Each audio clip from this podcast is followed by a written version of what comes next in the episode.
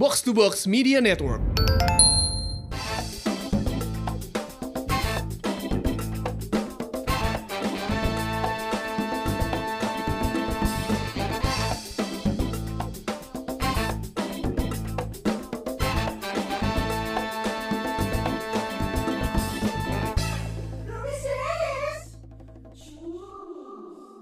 The new normal tuh gimana sih kok? Kan ini udah dikampanye dari 40 tahun yang lalu ya. Apaan tuh 40 tahun dari sebelah mana? Kan. Sebulan terakhir tuh kayak the new normal, the new normal. Tapi kok gue tidak melihat the new normal itu apa. Orang Asli. Masih tetap aja the old normal seperti Asli. biasa aja Kalau gitu. gue lebih lihat lihat the new normal, semuanya campaign the new normal. Yang gue lihat di jalanan, ya adanya abnormal. Emang itu paling laku sih franchise keren itu. Iya, gitu. New Tapi bener gue setuju, gue setuju tadi apa Abi bilang. Gue sebenarnya juga belum melihat new normal kayak gimana. Karena dari kemarin kan pas yang eh, Ramadan, ya kan PSBB dimulai, Iya. udah gitu, gue masih ngerasain bolak-balik Bandung Jakarta tuh emang awalnya kelihatan yang berat sampai harus nyari-nyari di Twitter, di Instagram caranya gimana. Akhirnya ya dia sempat sharing temennya ada yang bisa pulang, nggak ribet apa segala macam. Biasa-biasa aja ya, cuma ada pemeriksaan doang. Cuman ya ya udah Iya. lewat aja gitu loh. New normal ini kan ada yang untuk individu kata gue yang paling jelas ya. Perlakuannya adalah individu, makanya mungkin lu tidak akan melihat menemukan itu di saat yang bersamaan untuk semua orang gitu. Maksudnya kalau lu lihat di jalanan ya, di jalanan semua orang sedang mengendarai kendaraan, coy. Iya. Kan di jalanan tidak semua bawa termogan. Ngapain Iya, juga. iya, benar juga, benar Dan new normal ini kan lu saat memasuki satu tempat ada aktivitas baru yang nggak pernah kita temuin. Iya. Ngukur suhu tubuh. Di depan ada eh, apa Arnold sanitizer. Aduh, bukan maaf, dong. maaf, maaf, maaf, Bukan itu dong, jokes bapak-bapak, sorry, sorry. Nah, nah jadi new normalnya kan gitu kan. Kemudian orang-orang paling yang terlihat masif semua orang menggunakan ya masker. Kalau kalau ngelihat kasus covid ini kan harusnya harus holistik ya. The, the whole, lu lu mulai dari hulu sampai hilir lu harus mengerti. Karena gue sekarang jadi orang yang gini coy. Oh. Ya gue mengerti aja kenapa orang melakukan itu dan gue tidak akan jaji karena gini misalkan nih gue lagi sama bini gue di jalan ya rame bini gue ngomong orang-orang pada mau ke mana sih? Jangan lihat gitu. Orang-orang pun sama ngeliat kita men. Karena ukuran penting orang jadi beda gitu. Ya, misalnya kita ngomong nih kita kan mau ke rumah orang tua kita. Ya mungkin mereka mau ke rumah orang tua mereka. Bisa jadi. bisa Iya, jadi. bisa jadi. karena pentingnya itu akan jadi sumir gitu. Dan dan saat lu ngebilang orang itu ngelanggar kita akui kita di sini nggak ada yang pure 100% kan? Iya. kita melakukan ini aja kita berkumpul segala macam. Itu pun sebenarnya min- melakukan hal yang melang kita tidak di rumah 100% Iya. kita pun melakukannya. So gue sih yang mau campaign baru gue mas stop being judgy deh kita gue karena gini eh, kita kita biasa Ya ngeliat si Sony faktor kumis juga nanya. enggak. Jadi karena gue keselnya gini loh. Eh, Kita ini disibukkan me- melihat orang-orang yang ada di jalanan gitu. Hah. Tapi gue setuju yang lu bilang tadi ya. Ya. Karena gue gua memang harus melakukan ini kalau tidak gue mati gitu. Misalkan gitu. Nah tapi aturannya juga sekarang Iya, Bias, bias. bias, Bias. gitu. Terus lu mau nyalahin siapa gitu? Di satu sisi, tapi lu harus mengerti pemerintah. Kita tidak punya uang cukup untuk lockdown. Akhirnya larinya ke peraturan yang nanggung. Teparugu, Aturan teparugu. nanggung orang-orang banyak melakukan. Nah terus apa yang disalahkan hanya orang-orang? Ini gue bukan mengkritisi pemerintah ya, cuman semuanya. Makanya gue bilang stop being judgy di satu titik. Jaji ke pemerintahnya aja, jaji ke masyarakatnya aja. Semua, semua punya titik salahnya, semua punya tidak benarannya dan stop being judgy gue. Iya, eh, Capek, kalau urusan gini mah, gue juga kayaknya kita harus tahu, maksudnya harus ada orang yang ngerti psikolog ti- tiap orangnya. Terus Iya, kan mereka juga ada yang trauma, maksudnya dalam arti trauma itu kumahannya. Iya karena di rumah aja. Ada di rumah aja stres gitu. Ada loh di rumah. Lagu yang kemarin apa yang terserah tuh keren tuh ya? Iya, ini Terserah apa the rap Oh ya ya ya, yang sempat viral itu ya. Eh, itu kekesalan juga kan berarti psikologis orang juga sekarang mulai terganggu nih. Ya, Gua- bodo amat Sementara gitu gua ya. udah menjaga diri, lu ada keluar ajig gitu. termasuk Ajig. termasuk yang kemarin juga eh, apa namanya rame masalah orang pengen muncul viral akhirnya dan akhirnya Jual keperawanan. Ju- iya, iya terus akhirnya Hampir sekarang gue duitin tuh. minta maaf. Hah? Gak jadi. 2 M soalnya dia buka harga. Enggak dianya ternyata Apa? just kidding katanya. Aduh. Eh, itu settingan loh, lu lihat nggak? Postingan, Iya, iya. Siapa postingan lagi? Postingan, oh iya. Iya. Jadi katanya itu udah di setting manajer gue kan. Iya makanya kan Wow, orang mau jual memek? sampai begitu. Iya. Eh, jual memek kan. Iya tapi pasti Iya. lo mau kayak begitu. ada the holy mac. Aduh, nggak kan ada yang tahu. Oh iya cuma Tahu kita yang gua, ya. tahu. Apa itu? Itu eh tahu gua. Tahu gua, cuma gua lupa sampai nyanyi. Roll Lu nggak em tahu lagi. Tahu Lu- gua. Lu nggak tahu. Tahu gue. Apa? Huli make.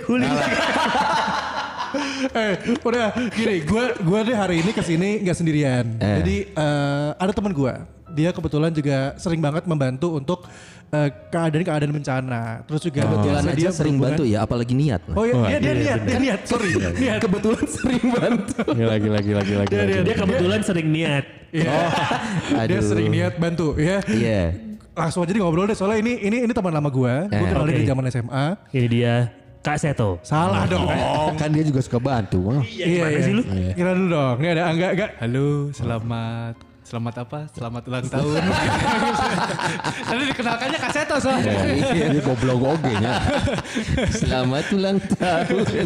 Oke buat pirsawan pirsawati kita perlu jelasin biar kebayang nih visualnya seperti apa. Angga ini adalah tinggi, Tinggi. tinggi besar, eh, badannya tidak besar, maksudnya tidak yang gendut gitu, Iya, tidak iya, iya. beris, tapi tinggi lah ya. Tinggi sekitar 7 kaki lah ya. Ah, Itu sama apa sih kaki gue nggak ngerti loh. Gue nggak nggak tahu ukurannya. Nah, 7 kaki itu seangga. Nggak salah. 6 6 Nah, Enam kaki. 6 kaki. Enam kaki itu berarti dijajarin gitu Kaki, kaki. anak saya ngelangkah gitu. Baru gue 6 kaki anak saya. Nah, ini Angga ini eh, visualnya eh, tinggi, eh, botak, Ya. eh, sama kayak gue, terus eh, jenggotan, sama kayak Helsinki di Money Heist. Asik. Yang penting bukan Arturo lah. Arturito. Ini ya, ini Arturito. Ay, anjir. kecil, kan kecil. Lo boleh bilang gue monyet tapi jangan bilang gue Arturto. itu bubuk banget. Arturo. Nggak sebenernya di luar asup Kajero season 3 goblok. Eh, Mata aku lah nonton sih. Bikin kesel anjing Money Heist anjing. Silakan, silakan. Jadi tentang tentang Covid nih, Gak. Ah, Gimana mal? Goblok Kok gitu? Dibalik deh. Poinnya adalah ini. Kemarin kita kan rame-rame nih bingung nih dengan keadaan sekarang nih. Iya. Gue pun tadi sempat ngobrol juga sama Angga. New normal ini tuh bakal kayak gimana? Apalagi sekarang ngelihat orang-orang tuh kelihatannya ketika dia kelamaan di rumah, main sosial media tuh banyak Hmm. yang Iya akhirnya suatu viral, suatu rame, minta maaf, selesai dan lain-lain. Apakah itu juga salah satu bentuk dari new normal? Kita kan nggak tahu. Orang mencari panggung Iya. akhirnya di sosial media. Mungkin nggak itu adalah bentuk new normal? New normal juga kata gue salah satunya ya work from home coy. yes, betul. Itu new normal yang eh, satu sisi ya itu kerjaan lo katanya bisa tetap beres sih, tapi satu sisi hubungan sosial lo berkurang. Ya, Ya, karena lo tidak ketemu orang. Capek bro, work from home mendingan di kantor. Hah? Mendingan di kantor. Tuh Mending kan. di kantor di, Tuh di kan. rumah lebih capek asli. Iya kan itu tadi yang terus. Abi bilang sama. Ya. lu menegaskan. Di udah gue terus anjing lebih kaputing di udah gue. Tuh. Ngelihat ngelihat online dikit gitu ya terus. Iya. Nah, lu masih bangun kan? Coba lu kontak sama ini anjing kontak artis jam sak eh, maksudnya kerjaan gua kan jam sakit gelo tuh. Nah, Gue akan sangat menolak kalau work from home akan menjadi new normal sih. Karena lu tidak bisa menikmati lagi Sabtu Minggu men. Iya, benar. iya. Betul. Nomor Sabtu Minggu Tapi setelah work mungkin from aturan home. aturannya Kerja 7 hari 24 jam Iya. aja. kan sekarang belum belum ada aturannya. Maksudnya sekarang tuh masih cok masih plek-plekan aja lu di rumah jadi di eh di kantor jadi di rumah gitu. Nah, ini ke depannya new normal ini kan maksudnya contoh-contoh kecilnya ya enggak ya. Ya. Tapi menurut lu new, new normal new normal ini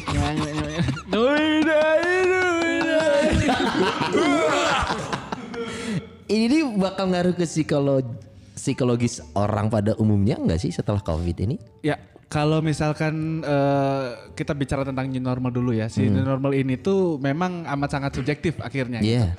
Amat sangat subjektif. Ada orang yang kerja kantoran akhirnya WFH gitu. Ada yang orang yang kerjanya WFH buruh harian, nggak mungkin kerja WFH kan gitu. Kalau buruh harian akhirnya memang eh, value-nya sangat subjektif gitu. Iya. Cuman yang bisa kita lihat adalah eh, secara karena karena si pandemi ini menyerangnya semua aspek ya Tuh. ekonomi udah jelas gitu ya lumpuh.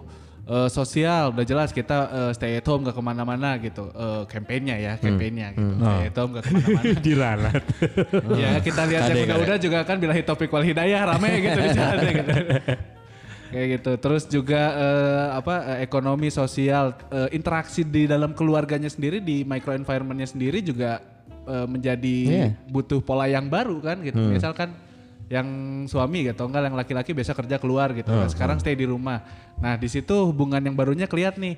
Oh, ternyata suami gue tuh kalau misalnya di rumah kayak begini ya. Oh, ternyata kalau misalnya istri gue tuh selama 24 jam berinteraksi tuh ada hal-hal yang ABCDEFG gitu. Nah, itu kan butuh pola-pola baru ya yang harus dibentuk kalau misalnya kita berbicara tentang new normal gitu. Nah, berkaitan da- tadi apa sih dampaknya secara psikologis dari si new normal ini gitu. Eh, saya ambil contoh sederhananya normal yang sudah kita ta- katakanlah eh, transisi Eh. dari old normal ke new normal. old normal itu kebiasaan-kebiasaan sehari-hari kita yang hampir setiap hari kita lakukan gitu dan itu sudah menjadi kebiasaan. Sekarang new normal kebiasaannya itu udah hilang. Berubah 180 derajat. Contohnya lagi eh, Modal, modal. modal jangan modal ting lah gitu. Oh, iya, iya. Eh, enggak yang berubah ya. eh. Eh, kalau main handphone gitu kan eh, wifi wah lagi lagi asik-asikan chatting sama gebetan atau sama eh, selingkuhan gitu Eh, eh. kalau kan Ah, busy gitu misal. Kenapa yang Misalkan. keluar selingkuhan sih? kenapa Kok gue jadi penasaran? karena sekarang lagi rame banget pelakor Justru Iya. akhirnya ke hese bro. Orang cacing di imah. Oh tapi sebelumnya emang gampang Bi. Iya kok Kok Abi kayak yang panik? Kok Abi kayak yang kaget? Salah eh, ngelempar Abi. Eh, baik maraju KB atau salah? Kami antara tek atau salah. Baik kami. Ini mah lowong eta mah ngeunaheun. Terus, nah, terus. tadi eh, terbiasa dengan koneksi internet tiba-tiba koneksi koneksi internet terputus gitu kan. Itu mulai langsung muncul reaksi nih. Ini nah eh kenapa nih? Orang lagi penting atau apa? gitu. Itu hal sederhananya gitu. Terus kebiasaan-kebiasaan sehari-hari yang biasanya eh, keluar keluar rumah gitu yang biasanya di apa namanya menikmati perjalanan ini nggak bisa ke mana-mana terkungkung gitu. Terus eh, apa eh, pada dasarnya hal yang menjadi kebiasaan tiba-tiba berubah 180 derajat itu menimbulkan reaksi-reaksi psikologis. Oke. Eh, reaksi psikologisnya yang paling pertama itu adalah stres. Kenapa stres? ini ini reaksi dibedakan nggak sih positif dan negatif gitu maksudnya? Kalau stres kan udah jelasnya Arna. Kalau ada yang membedakan gitu nggak? Kalau stresnya sendiri itu ada dua stres yang ada stres yang bermuatan negatif, ada stres bermuatan positif. Ada Oke. Stres positif aja gitu. e stres namanya. Apa namanya? E stres ditulisnya eu stres. Oh, dari Sunda, dari Sunda. Eh, E a e e. Tapi ewe ini lebih potensi. Sebenarnya. tapi tapi ewean juga ngelepas stres kan?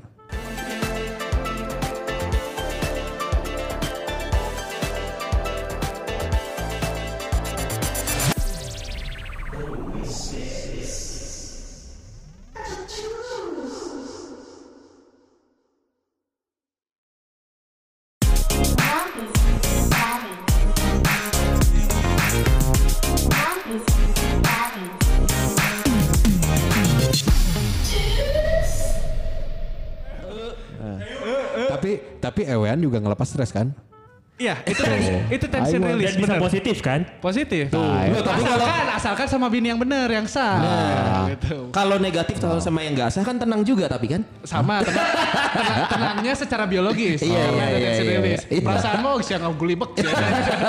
Nah ini dia tahu gini kan gak cuma belajar teori berarti praktek, Praktek juga ya. juga, pengalaman hidup. Mantap. pengalaman orang lain. Karena kita bisa belajar dari pengalaman diri sendiri sama pengalaman orang lain. Iya, iya. Ngeles we si anjing. Tentu negatifnya. nah kalau yang negatif itu di stres gitu, di stres. Kalau misalnya stres positif kayak misalkan eh apa namanya eh, kita editor nih, editor eh, gambar gitu ya, gambar visual editor. Mencari ini nih apa namanya? Cari Inspirasi. inspirasi susah. Tapi kalau misalnya udah deket deadline, inspirasi banyak. Ah, Padahal oke. kita The power of kepepet tahu- ya? Ah, power of kepepet itu bisa dikatakan eh, stres juga. Oh gitu. Ah, jadi stresnya yang bermuatan positif. Jadi Ini ini terlepas dari hasilnya maksimal atau tidak ya? ah, tapi memunculkan Oh. potensi. Iya iya iya iya. Ada lagi yang dikejar anjing misalkan gitu. Sebenarnya lompat nanti tertarik. tapi gara-gara dikejar anjing stres ya ayo orang mau Iya, digeger iya, gitu. Lompat nanti jadi tarik, pagar kilometer di loncatan. Iya iya iya. Bisa. Itu terjadi, itu stres. Saya pernah kejadian itu. Nah, Jadi langsung. anjingnya. Ngejar siapa Pak Dias? saya kan gak pernah takut anjing ya karena Oh, iya. miara anjing dari eh, kecil maksudnya di rumah tuh miara. Tapi Hmm. saya pernah ketemu anjing yang tadinya menurut saya ah nggak takut ini mah Hmm. Doberman. Pas kecil. Ya saya nggak takut karena saya juga miara Doberman juga dulu. Nah. gitu. Saya deketin taunya anjingnya apa Bereaktif, re- reaktif. reaksi- re- mere- bereaksinya galak lah. Akhirnya saya lari di rumah teman itu lari terus ada ring basket. Saya bisa manjat sampai ringnya. Asli anjing orang tapi karena panik Iya ya. benar benar benar. Panik pisan. Dan itu terjadi juga sama maling biasa. Eh serius loh. Maling kalau dikejar entah kenapa ada yang bisa tok tok tahu naik. Nah jadi menemukan benang merah kan. Jadi waktu itu mana maling naon Dias? Kok sampai dikejar? Mana maling anjing ya? nah itu juga pernah eh, itu baru lama dikejar anjing kan dikejar anjing sampai ring basket kan Iya. belum dikejar citah anjing Sutet aing anjing kalau luhur anjing. Cita mah kan bisa manjat. Bener, bener, bener. Tapi daripada dikejar deadline malas. Waduh. Ih, kesel. Kesel. Mas ini kenapa saya bawa ini? Ya itu. Bawa laptop teh anjing. Gawe- kene tanggal sakit galo anjing. Nah jadi gimana gimana ceritanya dia bisa manjat sutet? Goblok Di stres ya stres. Nah, si stres ini muncul akibat dari ada eh, aktivitas sehari-hari yang biasa dilakukan tiba-tiba menghilang gitu. Iya. Tiba-tiba menghilang. Maksudnya rutinitas yang biasa dilakukan tiba-tiba menghilang Ya, menghilang atau juga berubah? ber- eh, Beda soal. eh, berubah, berubah. Oh, oke. Berubah.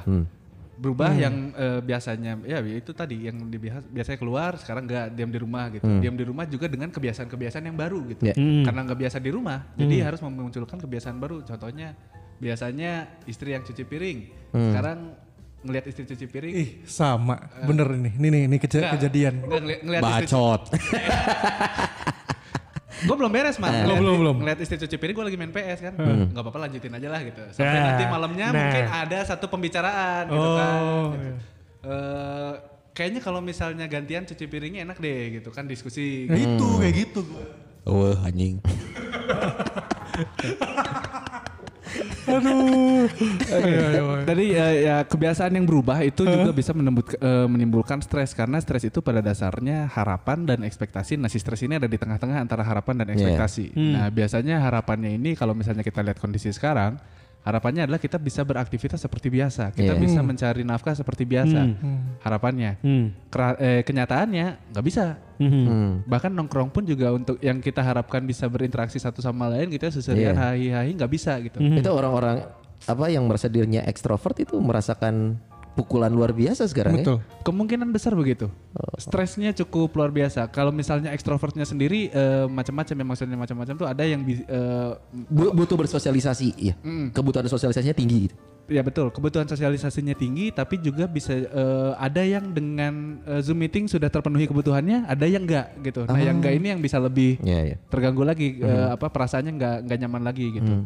Nah termasuk juga yang tadi si stres ini harapan dan dan ekspektasinya tidak sesuai akhirnya Hmm. ya muncullah eh, kondisi-kondisi stres yang tidak nyaman gitu. Iya. Kemungkinan terburuknya Kemungkinan terburuknya banyak. gelo. Itu terlalu jauh. Ekstrim. Terlalu itu ekstrim kanan. Apa aja kira-kira? Terlalu, terlalu ekstrim misalkan Bunuh kemungkinan diri. Wah. Eh enggak serius. ada, ada ada ada ada yang bisa sampai Gue beritanya kemarin. Serius? Yang, yang kondisi diri seperti itu kira-kira. ada. Karena Depresi. gue waktu eh, selama Ramadan kemarin itu jadi ini kan apa namanya jadi konselor untuk telekonseling gitu ya telekonsultasi dia eh, melalui eh, Zoom ataupun juga texting dan lain sebagainya gitu. Nah ada beberapa keluhan yang dia memang eh, suicidal thought-nya muncul gitu selama covid ini tuh. Gitu. Tapi Wow. memang eh, bi- eh, rata-rata yang apa muncul suicidal thought-nya itu karena mereka memang sudah punya permasalahan di sebelumnya. Kayak gitu. Jadi Sama kayak covid, ada Iya. covidnya tapi ada penyakit ininya. ya komorbidnya gitu kalau Mungkin sebelumnya dia punya masalah ambien misalnya. Iya, iya, atau panu akut lah. Iya, masuk covid. Jadi jangan mikir orang yang berkulit putih itu alami, bisa Iya, jadi iya. budidaya panu sebadan-badan. Hei, hei, hei. Berarti yang bule-bule itu gimana teman kita Kan Irfan bisa Bule? jadi. Teman kita Irfan Bule itu gimana? Bego. Irfan Bule putih-putih juga. Dia tidak bisa melawan itu takdirnya itu. Oke. Dia positif thinking aja. Mungkin beneran panu ya. berarti dia pengusaha sukses di bidangnya gitu. Iya, budidaya loh. Oke. Eh, terus ya tadi lagi apa namanya si eh, dampaknya ya tadi berbicara dampaknya eh, paling terburuknya macam-macam cuman kalau yang tadi sampai bunuh diri itu ada tapi dia komorbid dengan permasalahan Iya. yang lain gitu. Nah kalau untuk yang eh, kita ambil yang commonnya aja misalkan yang ber- sudah berkeluarga itu komunikasi di da- dalam keluarga ini bisa sangat berpengaruh gitu. Iya, iya, bisa benar. menjadi sangat dinamis. Sedikit-dikit ngambek, sedikit-dikit marahan banget, Sensi ya? Sensi, betul. Sensi itu muncul karena secara emosional dia tidak stabil, dia eh, eh, terguncang gitu karena si kondisi stresnya ini. Jadi eh, reaksi stresnya ini muncul secara eh, dari aspek emosional, aspek Iya. kognitif, aspek sosial dan lain sebagainya. Salah satunya menurut gue ya texting loh. Lu kalau keluarga ya texting itu kan multi tafsir ya. Iya, Iya. iya, iya. Lu texting yang satu mengartikan apa, yang satu Wallace aja gitu ya. Sedangkan kalau misalkan ke rumah orang tua nih yang kayak lo gitu bi, kan sebenarnya lu kadang nggak ngomong, lu ketemu orang tua lu udah itu it's release semuanya kan. Itu komunikasi paling baik ya lu ketemu pelukan itu udah bahasa paling bikin nyaman ya. Lu cuma texting apa orang bisa salah tafsir, komunikasi rusak lagi gitu tuh. Iya. Asli di grup ada orang ngomong wow doang, wow, wow gitu ya. Ada yang menafsirkan wow. Iya. Ada yang menafsirkan wow. Wow. Berlebihan ya. Ya ada yang suka wow gitu. Kesel aja bener sih. Tapi juga si kondisi-kondisi reaksi stres yang muncul ini sebenarnya adalah reaksi yang normal. Hmm. di kondisi di situasi yang tidak normal seperti pandemi ini Ah, oke. gitu. Jadi memang yang harus diantisipasinya adalah hal yang paling utama itu adalah menstabilkan secara Emosi. emosional. Ah, Tak kumaha carana bro. Ada banyak cara sebenarnya untuk stabilisasi emosi ini. Banyak pisan cara. Cuman yang paling sederhananya itu kita mengelola pernafasan. Meng- mengelola pernafasan. Tarik nafas. mirip buang. yoga sebenarnya kan. Kenapa? Iya mirip Ma- yoga. manajemen stres lu aja kan salah satunya tarik nafas, mengatur pernafasan, Iya. itu ngaruh ke otak juga gitu ya. Betul. Jadi ketika kita tarik nafas, Enggak sekarang males. Dia tarik nafas. Saya nanalan tarik nafas. Cobain biar gak Lu kan stres lagi kan. enggak stres. Oh, iya bener. Oh lagi stres rambutnya nih. Nah, itu lucu. Dia stres, kebanyakan di rumah sama istri sama anak. Oh iya, stres dia kalau ketemu keluarga. Happy kok. Iya, stres kebanyakan ketemu istri. Kangen PS ya. Mampus. Udah kan main di rumah. Oh iya. Oke, ngatur pernafasan itu adalah solusi paling gampang. ya breathing exercise namanya. Biasanya eh, disebutnya square breathing. Jadi skemanya itu kayak square ya, persegi empat gitu. Empat Kumaha dah? langkah, tarik nafas, tahan, buang nafas, tahan. Putar lagi. Tarik lewat hidung buat lewat mulut Iya. atau tarik lewat mulut buang lewat hidung. tarik lewat hidung, buang lewat mulut. Yang Oh, di iya eh, nafas yang digunakan Kayak itu gini ya. Nah, Gitu. Ya. Kalau misal Eh, tarik nafas belakang, tarik nafas, tahan, buang, tahan. kalau trapesium gimana trapesium? Kalau trapesium bisa juga karena biasanya sebelum nafas kotak ini nafas segitiga dulu. Oh, asli ya, asli. Iya. Bidang Serius? Anjing serius anjing. Anjing kayak itu anjing. itu bidang data, ini belum bidang nanti ada trapesiumnya juga. ruang. Limas, Mending- limas. Ya limas limas bener. biasanya, biasanya- genjang. Nah terakhirnya jajar genjang. Oke, itu itu paling gampang ya. Semua orang maksudnya bisa melakukan ya. Sangat bisa melakukan. Jadi ketika kita, eh, oh ya dan nafas yang digunakannya ini adalah nafas diafragma, nafas perut. Itu orang sering kali susah loh bilang tahu sih diafragma, tapi kan kita nggak bisa meraba dan merasakan ya. Kalau misalnya mau membedakannya, eh, kita bernafas saat sebelum tidur itu nafas perut. Ah nyangga soalnya kayak pasar. Ah, Itu nafas perut. Ini kan ngebedain. Diafragma kalau lagi kalau eh, biasanya ngebedainnya adalah ketika kita tarik nafas itu perut yang mengembang, ah, bukan oke. dada gitu kan. Kadang tarik nafas tuh dada yang mengembang, tapi kalau misalnya nafas Saya diafragma ini tiap perut. narik nafas dompet yang ngembang. Wah, Wah, alhamdulillah. pas hembus kepes lagi ya. ya udah tarik terus aja. tarik tahan buang tahan. Tahan tahan tahan tahan. Dan ketika menahan nafas itu si enzim kortisol yang membuat stres itu dia bisa dikendalikan dengan sangat baik. Ketika kita tarik nafas yang dalam dan tahan, nah si kortisol ini dikendalikan oleh oksigen dengan sangat baik dan ketika menghembuskannya itu kita merilis uh, tensionnya kayak gitu. Oke oke oke. Jadi itu cara paling gampang, paling sederhananya untuk Cara apa namanya Mengelola eh, stres. mengelola stres kita. Nah, betul. Gitu Dan loh. eh, ini juga merupakan salah satu dari kalau misalkan umumnya di medis itu P3K ya atau P eh, P3 gitu. Pertolongan pertama gitu kan. Pada Pada kan P3. Oh iya. P, P2 PP gitu, PP Oh, pertolongan pertolongan pertama. Lupa. PP ya pertolongan pertama, jangan PP yang lain. Eh, Pepe Palekman. Apa, apa itu maksudnya? Aman. Aman ya. Aman yang udah ngeces ngeces. Ngeces mikirin PP Palembang. Iya, iya. Lapar. Pertolongan pertama pokoknya. Nah, Kalau di psikologi itu ada namanya PFA, psychological first aid.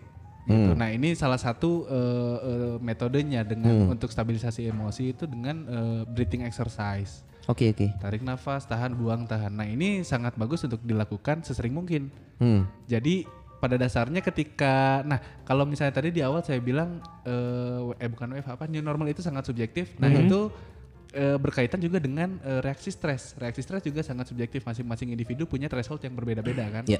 Nah si stabilisasi emosi ini berfungsi juga untuk memperlebar threshold dari seorang individu gitu. Ya. Jadi misalkan eh, Akmal nih, Akmal putus cinta, galaunya edan-edanan gitu. Hmm. Pacarannya sama sama Sonai misalnya. Eh bukan sama Sonai. Sonai Nggak pacaran, apa-apa. Akmal pacaran Oh, gitu. oke. Sama-sama punya sok. pacar Sama-sama lagi pacaran. Sama-sama lagi Sama-sama pacaran. lagi pacar Tapi kok dia bisa tahu ya? Pernah pacaran? pacar kita sama. Bukan. Pacarnya Threesome. beda-beda. Cuma sama-sama posisi lagi pacaran. sama-sama punya pacar eh. gitu ya. sama-sama punya pacar sama-sama setahun pacarannya gitu nah putus misalkan putus nah Akmal nih galaunya edan pisan Iya. Sonai santai aja gitu karena mungkin thresholdnya Akmal Bener. untuk menghadapi stres itu tipis pisan jadinya Tapi itu given kan? Maksudnya ya memang secara alami seorang Akmal atau dikelola sebenarnya. eh, kalau misalnya dibilang secara alami eh, gimana ya mungkin lebih lebih enaknya itu berdasarkan perkembangannya Akmal selama hidup gitu dan membentuk thresholdnya seperti saat sekarang oke, gitu. oke. Lingkungan dan lain-lain ngaruh ya. Ya, Pengalaman lingkungan, hidup. pengalaman dan lain sebagainya itu Oh, berpengaruh dari eh, usia 0 tahun sampai eh, 85 ya sekarang ya. Oh sorry, eh 25. Waduh. 25 tahun. Kali berapa? Kali tiga ya? 25 kali tiga. 10, tambah 10. Biar gampang, tambah 10. Gitu, Jadi masing-masing orang beda-beda thresholdnya. Nah, eh, dengan ap- dengan seringnya stabilisasi emosi, threshold seseorang itu bisa lebih lebar. Karena kalau misalnya kita stres nih, kondisi stres, udah mentok di threshold nih, itu berpenga- berpengaruh secara kognitif. Nanti kita jadi blocking gitu. Jadinya berpikir nggak jernih, terus juga eh, lebih sensitif. Stresnya itu eh, munculnya kecemasan gitu kan. Pe- pertanyaan gue nggak kalau misalkan ya kita sudah mengelola stres kita ya, tujuannya apa sih satu acceptance, lu menjadi nerima perubahan, atau lu berusaha untuk eh, pe- menolak malah, maksudnya dalam artian, oke gue menyikapi ini, gue sih sebenarnya nggak setuju gitu. Ya. Ada orang, oh ya udah nih normal gini, ya udah gue nerima deh, gue gue jadi nggak stres sih, tapi gue ikut aja gitu. Atau yang gue harus menciptakan sesuatu yang malah bikin gue nyaman nih, itu kan ada ada unsur ngelawan ya malah, ngelawan secara psikologis juga ya. Tujuannya apa sebenarnya? Sebenarnya kalau misalnya stabilisasi emosi ini pada dasarnya eh, untuk membuat Acceptance. Si kita ini lebih tenang dulu gitu. Sebelum sebelum acceptance itu tapi secara emosional itu kan emosional ini reaksi dari stres ya. Reaksi dari stres secara emosional ini muncul macam-macam. Ada yang cemas, ada yang ketakutan, Cemas ada itu yang celana masuk ya? Weh, saya sih tadi mau masuk jokes itu, cuman Aduh maaf aduh, maaf. basi gitu. Basi banget. Maaf maaf maaf. Terlalu maaf, bapak-bapak. Iya. Tadinya saya biasanya CDMDB, celana dalam masuk di antara bujul, tapi kan terlalu panjang. Iya iya iya iya.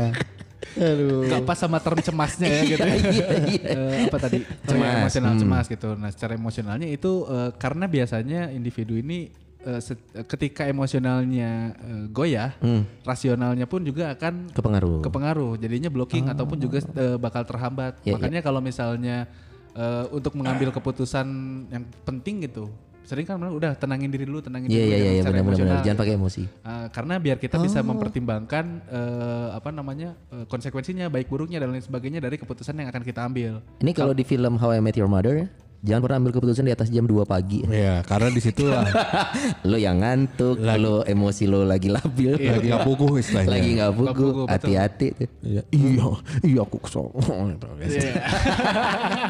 gue putus aja gitu, gue putus aja gitu. oh, iya, iya, iya, Ini jam 2 seperempat bro, mending tidur aja. Iya benar sih. Sare bener. we heula, mun teh colikeun meken. Mun teu bisa sare bener. Dulu gua kalau misalnya nggak usah tidur ya, Coli. col- colikeun we. Mikiran Beresnya tidur. Sare. Anjir. Jadi mana saya pada coli? Iya dulu. Oh tapi benar juga, Coli kan sama tension release juga. Jadi Oh, udah iya rilis benar, ketegangan tension di tubuhnya release. udah Oh, uh, gitu? lepas. Iya betul. Lo tapi kan Oh, coli harus kalau- tegang. Nah sekarang orang tanya. Kalau orang mah beres- kayak nanya. Mun beres ngewe lulus tuh. Lulus. Lulus. Nah itu karena ya itu tension di dalam tubuh baik secara otot, secara emosional itu dilepaskan. Lepas. Oh Makanya- gitu mal sama taraweannya. Iya. Jengsa, nah itu dilanjut ke. Iya iya iya. Iya enggak enggak tapi tapi akhirnya jadi jadi paham jadi paham banyak hal sih hari ini Iya. sih. Tentang Ngomongin EWN soal- tadi. Tentang EWN dong. Ngomongin soal emosian. Soalnya gini, gue gue ada bagian penasaran juga sih. Gak? Tadi gue pengen nanyain masalah ini tadi gue bilang banyak orang-orang yang pada akhirnya seperti seperti mereka melepaskan ketegangannya, melepaskan stresnya dengan sembarangan posting sesuatu, sembarangan membuat video atau ngomong di eh, Social media. sosial media yang gue gak tahu ya setelah itu dia baru kayak sadar dan eh, minta maaf dan lain-lain. Itu bukannya bukannya nambah stres ya harusnya ya ketika dia berusaha melepaskan stres itu ya? Nah, yang pertanyaannya adalah apakah orang itu dengan mengupload, dengan komen dan lain sebagainya merupakan tension release dari stresnya itu apa bukan? Iya. Karena itu kan sangat subjektif ya gitu. Iya benar. Bisa aja ngomong-ngomong seadanya biar eh, dia menciptakan menciptakan image-nya di sosial media seperti itu. Bisa Iya. jadi Yang di mana kalau misalnya ada kasus tutupinnya pakai minta maaf minta aja. maaf karena udah tahu mungkin ya mungkin dia udah tahu karena pola di Indonesia ada kasus melejit viral diundang ke mana-mana eh setelah minta maaf diundang ke mana-mana jadi benghar gitu Iya. kan. Iya. Urutannya kalau di Indonesia ya, bikin eh, konten, Konten. viral, vi- udah viral itu. Iya. eh, klarifikasi minta maaf diundang di eh, podcastnya Deddy Kobuzer udah gitu diundang di Rumpis eh, Trans TV atau enggak diundang di Hitam Putih Iya, iya. atau enggak masuk ke Uya kuya. eh enggak ini apa Sule ini talk show ini talk show. itu urutannya pasti udah gitu terkenal Iya iya. iya. Itu kalau nggak masuk penjara. betul Enggak. Intinya jangan kabur. Kalau kabur nanti malah dicari. Iya, itu kan iya. ketangkepnya di yang kayak si pelabuhan. Ferdian itu Ferdian. iya Ah, Coba minta maaf dari awal. Bener, Mungkin bener, sekarang bener, udah di hitam putih. Benar. Tapi kemarin juga ada yang baru keluar penjara, terus ketangkep lagi. Jangan gitu itu rad- eh, grup radio aku langsung diserang itu. Oh, iya? Kan posting tentang itu ya. Oh asli? Padahal itu copy paste dari media cetak. Ah. Eh, ini keluar penjara Iya. tapi masuk lagi. Copy paste beritanya copy paste. Oh, Min kalau nggak tahu jangan sok tahu. Hmm. Tahu. Biasa pendukung. Bobotoh, bobotoh. Belum pernah mau dibunuh ya? Kayak kantor aku ya? Belum. Belum. Makanya jangan. Aduh. Kantor anda kan banyak yang, banyak yang melepas stres pada akhirnya kan. Enggak tapi ya itu sih kan maksud gue. eh, em, dengan orang yang pada akhirnya sering di rumah, dengan orang yang pada akhirnya jarang ketemu orang lain dan dan mungkin memilih untuk melepaskan semua cerita dia, semua curhatan dia di sosial media. Gak tau ya, gue tuh gue tuh sekarang udah jadi orang yang kadang kalau pengen ngomong sesuatu di sosmed, nih nih jadinya masuk ke sana ya karena sering di rumah, akhirnya kerjaan kita lihat sosmed dan segala macam, jarang ketemu orang gitu kan. Pengen pengen cerita aja gitu, pengen pengen show off aja sesuatu gitu loh. Ta- Tapi kan mikir lagi ya. Nanti orang mikirnya gimana, nanti orang ngomong gimana. Tapi gue ngeliat kayak ada juga yang nggak begitu sih. Bodoh amat. Lagi kena covid pun di di woro-woro gitu Iya. kan. Tiktokan gitu ya. Tiktokan malah kayak jadi yang bangga gitu atau apa pun gitu. Padahal sebenarnya kan jangan gitu lah harusnya loh. Cuman masih gue gak tau kalau kalau dari sisi psikologisnya lo lihat tuh kayak gimana sih? Yang masih kayak yang kayak begini nih? Menurut gue pribadi sih akhirnya related sama eh, ini ya apa namanya eh, bagaimana mental masyarakat Indonesia mengalami perubahan yang signifikan untuk eh, Dunia malah masyarakat dunia. eh, Bisa jadi enggak, kan? sebelum sebelum covid justru ini Oh, makanya oke, oke. related eh, untuk ini apa namanya perkembangan teknologi yang amat sangat cepat. Ah, gitu. Oke. Iya. Karena kan itu tuh akhirnya berdampaknya sampai ya mungkin juga mental-mental eh, apa namanya beberapa segelintir masyarakat lah katakanlah gitu. Eh, lebih senang mencari sensasinya gitu, bikin konten-konten yang secara substansi nggak ada isinya gitu kan. Dan berguna apa enggak? Ya mungkin untuk beberapa orang yang menikmatinya itu berguna. Iya. untuk beberapa orang yang melihat dari sudut pandang isi yang nggak ada apa-apanya gitu. Malah dibilang sampah lah naon lah gitu nah itu eh, ya tadi pertanyaan Akmal menurut gue sih sangat berkaitan sama itu mal. Jadi eh, runutannya panjang sih dan kalau dibahas di sini mungkin 3 SKS Ya karena balik lagi mending tadi masalah new normal tadi itu loh. Maksudnya em, next kita mungkin apakah akan jadi gini, gua tuh semalam tuh baru nonton The Irishman. Nah, gue melihat The Irishman itu kan itu film di dia penempatan settingnya tahun 70-an 80-an kan. Yang di mana orang tuh masih kumpul, belum ada teknologi gadget dan lain-lain gitu kan. Mungkin mungkin ya gue sampai pikir gini, mungkin the new normal nantinya akan melihat keadaan berkumpul seperti ini itu jadi sesuatu yang tidak bisa terjadi seperti dulu. Gitu loh Bisa. dengan dengan dengan ya kemarin pembatasan jumlah orang yang berkumpul. Terus gue sempat lihat ada video yang memperlihatkan kayak satu mall orang masuk ke dalam mall dia harus eh, pakai kartu apa terus dicek eh, suhunya dan lain-lain. Jadi Yeah. kayak terus masuk ke mallnya sendiri dia tuh belanjanya pun bukan ngobrol sama orang tapi kayak online gitu. Tapi di mall dia sudah di mall posisinya Ya, gitu loh gue ngeliat ada ada yang bikin lah kayak semacam videonya gitu lah video Iya, yang iya. normal Kalau gitu di Thailand menarik tuh. Di Thailand itu sebelum kita belanja kita harus registrasi dulu bahwa kita akan masuk ke mall itu dan kita harus sudah jelas daftarnya belanja apa aja. nah iya itu Oh tuh iya? mirip-mirip kayak gitu iya di di Thailand. Daftar belanjanya sudah kita siapin. Iya kita mau belanja mau eh, masuk ke toko apa aja kita harus sudah tahu gitu tujuannya maksud dan tujuannya tuh mau ke mana. Berarti kalau ke klinik juga harus saya, saya mau potong titit gitu kan. Thailand kan operasi kelamin wajar. Saya pengen bijinya dilipat aja gitu. Plus itu ya, plus konsepnya. Plus konsepnya. Mau dilipet atau mau gimana. Biji kanan biar aja ngegantung gitu. Wah. yang kiri bentuknya kayak lumba-lumba gitu. Dok bisa lihat bisa lihat daminya nggak? Besoknya datang lagi dia. Eh, kamu bukannya udah kemarin? Iya mau direvisi. Anjing, setilep-tilep direvisi coy. Itu gimana kan? Yang kalau lu lihat yang tadi Thailand gimana Thailand di Thailand? Iya, ya gitu. Jadi sebelum masuk ke mall itu kita harus sudah jelas dulu mau eh, kita harus registrasi dulu, daftar dulu, terus juga harus punya kalau nggak salah tuh punya eh, ininya apa namanya keterangan eh, dari puskesmas lah cek cekurangannya katanya. Masing-masing orang harus bawa. Eh, ah iya, iya kalau nggak salah ya gitu. Wow. Eh, surat keterangan sehat, SKCK. Ya, model Masuk mall. SKCK. masuk kerja itu beda deh. Kenapa ngelamar? Mau jadi driver ojol nih kayaknya. oh iya? Iya, kalau di, di Thailand itu eh, sempet baca di mana ya di di Twitter kalau nggak salah ya sampai sampai itu apa namanya sampai se strict itu gitu untuk eh, orang mau datang ke mall gitu. Rencana juga di kita kan gitu nanti kalau mall dibuka nih bakal ada aturan lu mau ketemu siapa? Mana ada di mall ketemu? Tapi kemarin aja yang di waktu Saya mau ke Sogo, mau ketemu Pak Agus. Mau ketemu ini mbak-mbaknya yang di counter baju baju tidur. Siapa aja? Soalnya kayak kemarin kejadian aja waktu yang ini kan dibuka nih kemarin tuh kan ya. Eh. Yang di Ciledug. ya kan? iya, Mau iya. sampai Oh, mau. Di Bandung tanggal 25 ya? Di Bandung. Kemarin ya? Iya kan sempat sempat juga dibuka kemarin kan. Jangan kan itu deh gue ngeliat lewat di Pati Ukur sini ya. Tempat sepatu, bang rame itu orang-orang pada. Sepatu mana di Tempat Bandung? sepatu kan banyak tempat sepatu jual KW. sepatu. Heeh. Oh. Rame loh, maksudnya orang-orang pada pada belanja, pada beli. Maksudnya ini kan begitu nanti mall juga dibuka nih, sama kan Nah, kejadiannya. itu dia tahu gak sih? Ini ini yang menjadi pertanyaan gue sebenarnya ya. Kita ngomongin secara psikologis ya. Menurut gue orang Indonesia sekarang new normal ini adalah sesuatu yang for good atau temporary. Karena menurut gue kalau dari apa yang gue temui di depan mata gue sendiri, orang Indonesia, sok gue tanya buat lu semua ya, siapa yang masih rutin cuci tangan sehari? Masih sih gue. masih. Nah, Masih gue. karena ma- masih pandemi ini ya. Nah, gua gua ngelihatnya gini, gua sih nebak aja nih ya. Setelah pandemi ini back to normal, katakanlah entah itu kasusnya sudah turunkah atau amin-aminnya sudah zero case atau apa? Gue kenapa masih masih beranggapan kayaknya orang Indonesia sudah kembali ke akan kembali ke tradisi lamanya, sudah akan lupa cuci tangan. Karena karena pun misalkan PSB PSBB lah aturan yang jelas-jelas ada, keluar-keluar juga segala macem. Jadi menurut gua sih secara psikologis ya orang-orang akan mener, tidak akan melihat new normal ini sebagai sesuatu yang for good. Iya, iya. Menurut gua sih ini temporary aja. Ini karena lagi orang Indonesia kan suka sama tren ya. Nah, itu. Nah itu, yes, Ya, tren sepakat gue. trennya sekarang covid gitu. Semua orang melakukan, melakukan, melakukan.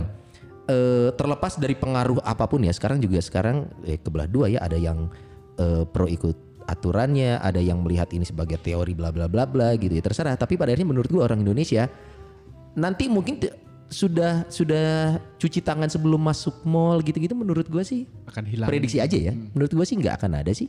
Jadi new normal yang akan terlihat bukan seperti hal-hal seperti itu kata gue. Iya, iya, iya. Karena gini, dulu dulu ngomongin pandemi eh 100 tahun lalu itu kan Spanish flu ya kalau nggak Oh salah iya, ya. Spanish flu. Spanish flu, kemudian ada flu burung, SARS, MERS, semua punya masa momentumnya sendiri gitu. Semua orang menyesuaikan adap gue ngelihatnya sih adaptasi aja. Adaptasi pada masa itu lo harus seperti ini gitu.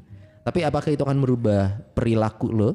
Karena psikologis manusia Indonesia menurut gue ya kita cukup unik eh dibandingin dibandingin manusia lainnya. kita teh kita berani eh, menerabas aturan banyak ya. Terus eh, di- disuruhnya A melakukannya B ada gitu ya.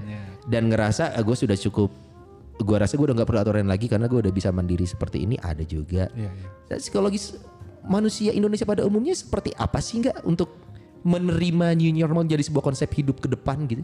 Nah, kalau misalnya ditanya psikologis Indonesia ya, manusia di Indonesia pada umumnya itu belum ada penelitiannya. Risti itu nggak pernah ada meneliti psikologis orang Indonesia. Karena Indonesia ini sangat beragam, itu yang bikin sulitnya. Ah. gitu. Itu yang bikin sulitnya. Waktu itu eh, istri gue pernah diajakin untuk meneliti buat eh, ini ya apa namanya eh, musik musik khas yang sebenarnya khas Indonesianya ini apa gitu. Ah, oke. Nah itu teh akhirnya belum belum berjalan ketemu. gitu ya. Karena ya bingung pisan gitu. Dari masing-masing daerah aja punya musiknya sendiri gitu ya. Dan Iya. eh, eh, rumit lah gitu. Itu eh, dari sisi musik gitu. Mhm. terus juga sisi kebudayaan. Kebudayaan kan ini sangat berpengaruh juga terhadap eh, value ya nilai-nilai yang membentuk kita sebagai so, eh, eh, as a person gitu. Mhm. dari personalitinya dan lain sebagainya. Itu juga beda-beda gitu. Hmm. Nah itu tuh sangat-sangat eh, eh, rumit kompleks gitu, bukan kompleks sebelah Ladalen ya. Aduh, Siap, udah siap. beda lagi. Udah beda lagi. rumit gitu. Jadi memang eh, eh, sangat unik sekali. Makanya sebenarnya teori-teori psikologi itu kan bias, eh, kita bawanya itu dari daerah-daerah barat ya. Ketika Betul. diaplikasikan di Indonesia Belum tentu. Belum tentu. kontroversi gitu. Iya. Cukup menjadi eh, apa namanya pembahasan yang mendalam gitu. Karena ini kan teorinya teori di luar. Iya. Di, di Indonesia ini susah banget untuk diterapkan kayak gitu. Nah, itu dia. Termasuk untuk melihat fenomena yang sekarang nih gitu. Dengan aturan yang udah jelas gitu ya, udah pemerintah udah ketok palu tapi eh, mental Hmm. si individunya ini teh tangguh pisan eh gitu. Iya. Dan pisan sampai ya ini ini ini kondisi covid udah jelas lah ya Iya. udah rame gitu ya banyak gitu. Nah kalau misalkan di ini ya karena eh, eh, apa namanya kerjaan di kegiatan di bencana gitu ya bencana. Hmm. Dan kalau di bencana alam yang tanah longsor, eh, banjir bandang kayak gitu tuh misalkan udah jelas nih rumahnya itu udah digawir gitu misalkan. Digawir. Tolong ditranslate. Digawir, digawir, digawir apa? Bi, Eh, jurang, jurang, jurang, jurang. Ah. Oh di jurang. Gawir, gawir itu jurang. Tuh, dijawab sama teman gue tuh. di jurang atau enggak di tanah yang labil gitu. Nah, itu tuh sebenarnya udah pada tahu itu berbahaya Yeah. potensi longsor, tapi tetap aja memberanikan diri gitu. Entah ar- karena faktor dah nggak ada lapak lagi, dah saya butuh, dah ini itu dan lain sebagainya gitu. Akhirnya eh, eh, apa namanya menerobos si Aturan. aturan ataupun juga Yeah. si batasan-batasan yang udah ditentukan sebelumnya ya udah akhirnya bondo nekat dampaknya kerasa kan ketika eh, beberapa di kejadian longsor eh, mereka rumahnya hancur gitu ya mereka tahu bahwa eh, ketika ditanya dulu sempat ada himbauan kan ada, ada. tapi dilakukan ya tetap dilakukan ya udah nggak bisa ngomong apa-apa Iya. lagi kan gitu yang penting kita fokus untuk eh, bagaimana dia eh, acceptance kalau misalnya Iya. tadi ngomong itu acceptance gitu acceptance dengan kondisi yang saat ini gitu nah ini new normal buat dia Iya. gitu kan Betul. buat si eh, survival ini ini new, eh, new normal juga gitu jadi istilah new normal ini sebenarnya udah ada cuman eh, Iya. sekarang ini hype nah, Hype lagi, setuju gue. Iya, kayak kayak misalkan ya lu ke kantor nih, Iya. ada sosok bos baru merubah tatanan kerja, itu new normal buat kantor itu kata gue. Iya, iya, bener sih. Nah sekarang ini karena hype-nya lagi wah, sok sekarang gue sih belum pernah nemuin ya supermarket atau serba yang bikin tempat cuci tangan permanen. Kalau ini menjadi sebuah new normal, ini Harusnya pasti harusnya sudah ya. menjadi permanen. Sekarang masih gentong, masih, Borma masih ya, galon. Teh? Hah? Borma Antapani Oh udah bikin permanen? Permanen. Satu. dari sekian banyak Sekian banyak. Ya, Kalau ini menjadi new normal gitu ya. Sok Nanti sekarang rencana di Prama itu bakal dibikin sekalian betap-betapnya di sini. buat disinfektan. Plus anduk anget. Iya. Jadi kalau kita mau Elit datang, banget nih. mau cuci tangan, mandi. Itu plus anduk anget sama plus eh, kimono. salah. Terapis nomor berapa pak?